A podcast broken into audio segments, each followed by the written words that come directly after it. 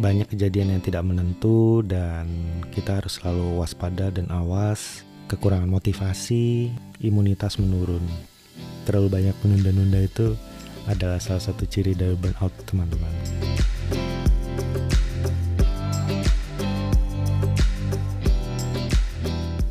Selamat pagi, selamat siang, dan selamat malam. Selamat datang di podcast Di Atas Gudang bersama saya, Didi Wicaksono.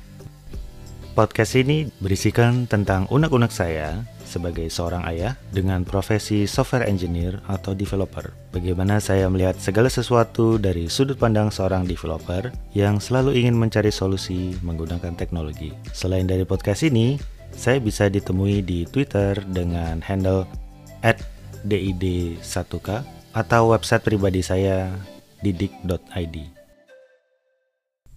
Pada episode kedua, saya membahas mengenai kenapa di masa pandemi ini wajar apabila kita merasakan tidak produktif.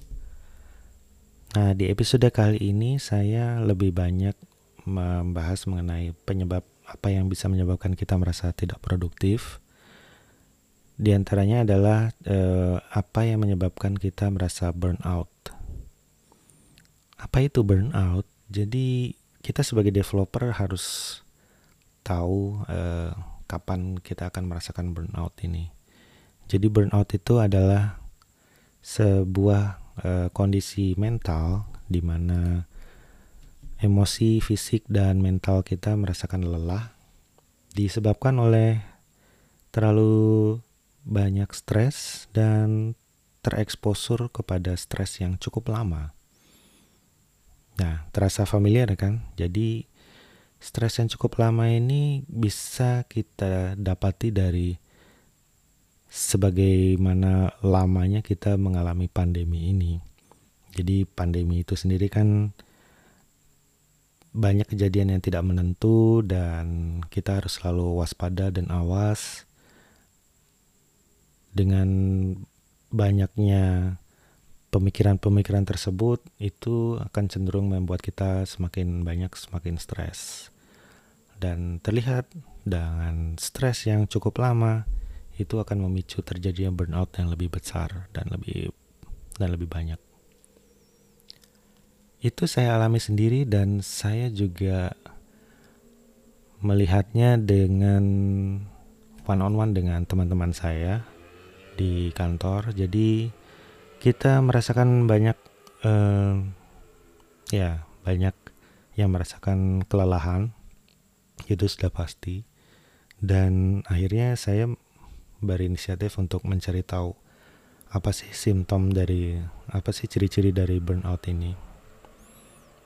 Dan di sini saya mengambil dari sebuah situs helpguide.org dan ternyata emang cocok sih apa yang ada di situs ini dengan apa yang akhir-akhir ini saya rasakan yaitu kekurangan motivasi dalam mengerjakan banyak hal baik itu di pekerjaan kantor ataupun di rumah. Jadi terasa seperti tidak ada harapan atau tidak ada uh, tidak ada dampak gitu. Uh, itu karena kita uh, mungkin tidak punya kendali atas apa yang terjadi di luar sana. Kita tidak bisa bebas ke mana-mana. Biasanya kan kalau kita pergi ke pergi jalan ke satu tempat itu karena kita bisa dan kita mau. Sedangkan untuk pergi ke pergi keluar dari rumah saja kita sudah harus was-was dan waspada. Dan itu juga membuat kita justru semakin lama berpikir terus dan semakin lama semakin lelah. Dan itulah pemicu terjadinya burnout. Dengan adanya burnout ini kekurangan motivasi, ternyata ada satu ciri-ciri yang uh, mungkin sering kali kita rasakan sebagai developer yaitu sering menunda-nunda. Jadi terlalu banyak menunda-nunda itu adalah salah satu ciri dari burnout teman-teman. Jadi kalau bisa kalian punya deadline itu dikerjakan dengan segera. Karena ternyata terlalu banyak menunda deadline bisa menyebabkan burnout. Atau ya procrastinating istilahnya. Melakukan sesuatu lebih lama dari yang seharusnya bisa dilakukan. Ternyata kalau ditumpuk terus menerus itu perasaan bahwa oh saya belum mengerjakan A, B, dan C itu akan menumpuk hingga di akhir hari atau di deadline dan akan menyebabkan stres yang sangat tinggi ketika mengerjakan uh, sesuatu tersebut. Dan akibatnya dalam sehari-hari kita akan selalu merasa letih dan lelah. Bahkan yang bisa menyebabkan kalau dilihat dari defini, dari simptom ini kita bisa uh, membuat gampang sakit, imunitas menurun. Padahal imunitas itu adalah sesuatu yang sangat penting sekali di masa-masa pandemi seperti ini. Jadi teman-teman juga harus uh, mulai awas dengan apa yang menjadi ciri-ciri dari burnout ini. Di dalam pekerjaan ternyata ada juga yang bisa memicu mengapa seseorang bisa burnout.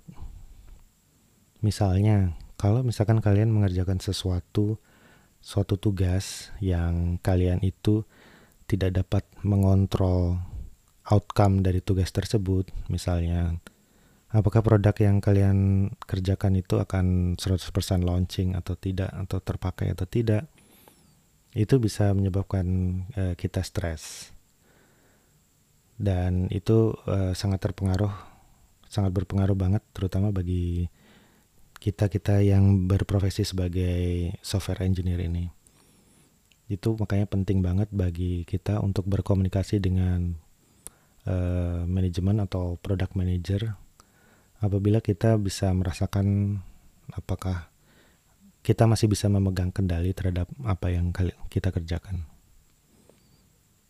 Yang berikutnya adalah apabila uh, situasi di pekerjaan itu uh, tidak ada yang mengakui apa mungkin kurang atau hampir tidak ada yang mengakui uh, sebuah pencapaian atau achievement atau mungkin pemberian reward untuk sesuatu hal yang bagus atau suatu hal yang baik.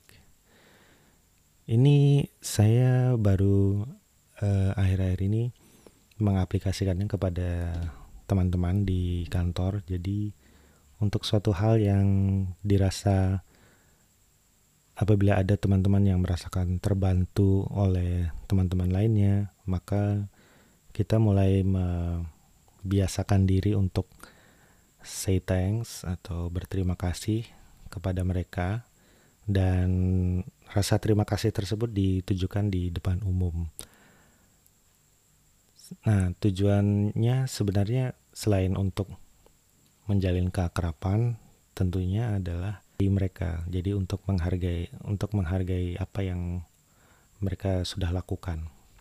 Nah, ini juga dirasa sangat membantu untuk uh, merasa supaya teman-teman itu masih punya masih apa memiliki motivasi untuk melakukan pekerjaan. Apabila teman-teman merasakan hal yang serupa yaitu kekurangan motivasi, sering menunda-nunda, selalu merasa lelah, dan terasa tidak bisa mengontrol pekerjaan, mungkin kekurangan penghargaan, dan lain sebagainya, sehingga menumpuk stres.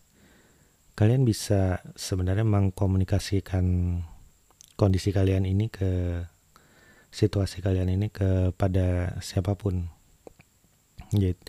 Jadi dari situs helpguide.org ini apa sebenarnya yang bisa kita lakukan untuk mencegah terjadinya burnout yaitu adalah dengan mengkomunikasikan situasi tersebut, situasi ini kepada teman-teman kalian. Kalian bisa mengkomunikasinya kepada teman-teman dekat di kantor atau mungkin ke keluarga, mungkin ke istri atau mungkin ke saudara dan kalian juga bisa mengkomunikasikan ini kepada atasan kalian Nah, jadi itulah fungsinya di one on one itu adalah supaya kalian bisa mulai uh, awas dengan kondisi mental kalian dan bersama-sama dengan teman eh, teman-teman dan mungkin dengan atasan kalian berusaha untuk mencari jalan keluarnya. Ada banyak yang bisa kita lakukan sebenarnya untuk mengatasi ini yaitu kita bisa mencari kegiatan lain di kehidupan pribadi, misalnya mencari hobi baru atau mungkin me mencari-cari suatu kegiatan yang uh, sangat menarik gitu. Walaupun tentunya kegiatan yang fisik itu sangat terbatas di masa pandemi ini, jadi kita tidak bisa ke mana-mana. Mungkin yang bisa kita lakukan adalah mencari hobi baru. Sebagai contoh yang saya lakukan ini yaitu bikin podcast, ya mungkin bisa dibilang hobi atau mungkin bisa dibilang untuk pelepasan ini aja, pelepasan stres aja dengan ngobrol sendirian seperti ini. Tapi kita juga bisa ngobrol dengan yang lain dan itu juga bisa meluapkan rasa suntuk kita di rumah. Nah, hal lainnya adalah uh, ya uh, liburan, cuti. Mungkin bagi kalian ngapain sih cuti kan nggak ke mana-mana. Nah itu adalah suatu yang salah sebenarnya. Jadi cuti itu bukan untuk uh, bepergian, tapi cuti itu adalah untuk stop melakukan kegiatan bekerja.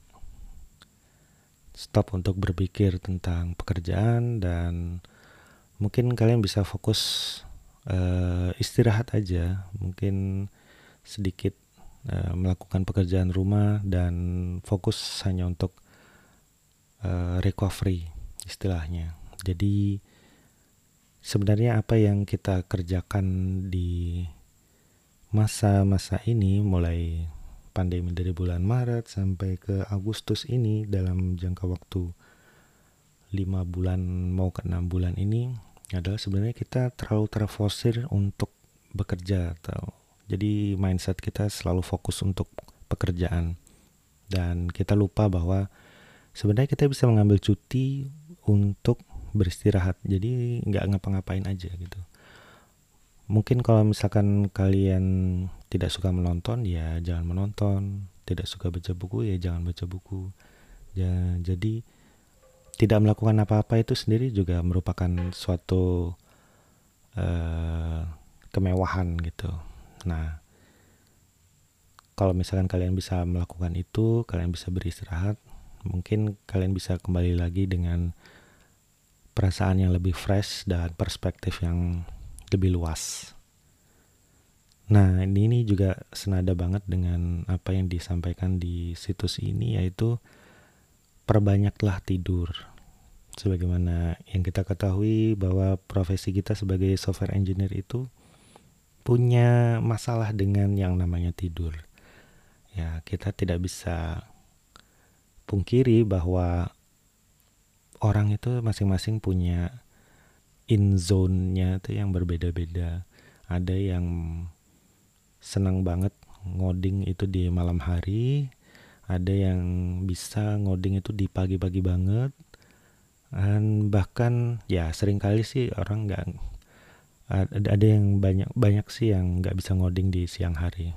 Kebanyakan sih karena mereka diinterupsi pekerjaannya oleh teman-temannya sih. Tapi ya begitulah. Jadi itu makanya mereka kebanyakan ngodingnya di malam dan dini hari seperti itu burnout itu uh, bisa dipecahkan dengan perbanyak tidur tidur yang banyak oke okay. hmm, mungkin dari sini kalian bisa mendapatkan sesuatu yang bermanfaat dan apabila kalian mulai kalian akan mulai mulai merasa burnout atau lelah seperti ini. Nah, ini sudah saatnya kalian untuk mengkomunikasikannya ke siapa pun. Nah, mungkin komunikasikan keluar atau mungkin kalian bisa mempenatkan melampiaskan penat di sosial media mungkin. Mungkin tidak perlu untuk publik sih private aja. Ya atau kalian juga bisa ngobrol dengan uh, teman teman-teman di kantor atau mungkin mencari teman baru di kantor untuk ngobrol-ngobrol aja jangan jangan terlalu serius dengan pekerjaan terus gitu dan kalian juga bisa ngobrolin ini ke atasan karena yang bisa mengapprove cuti kalian ya dari atasan kalian itu. Nah, itu obrolin aja di atasan kalian butuh uh, libur yang cukup lama mungkin.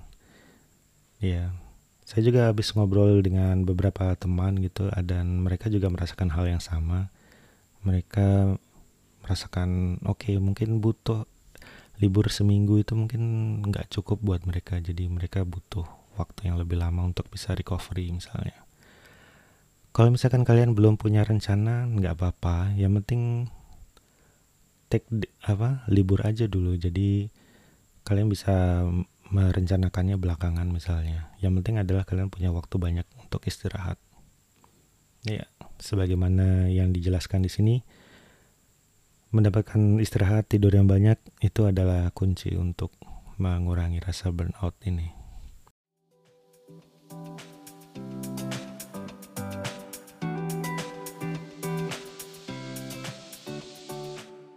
Memo dan tautan yang disebutkan pada episode ini kalian bisa temukan di deskripsi. Jika teman-teman merasa podcast ini cukup menarik, jangan lupa untuk memberikan like di Spotify atau media apa pun yang kalian gunakan untuk mendengarkan podcast ini supaya podcast ini lebih mudah ditemukan oleh teman-teman pendengar lainnya. Terima kasih dan sampai jumpa di episode berikutnya.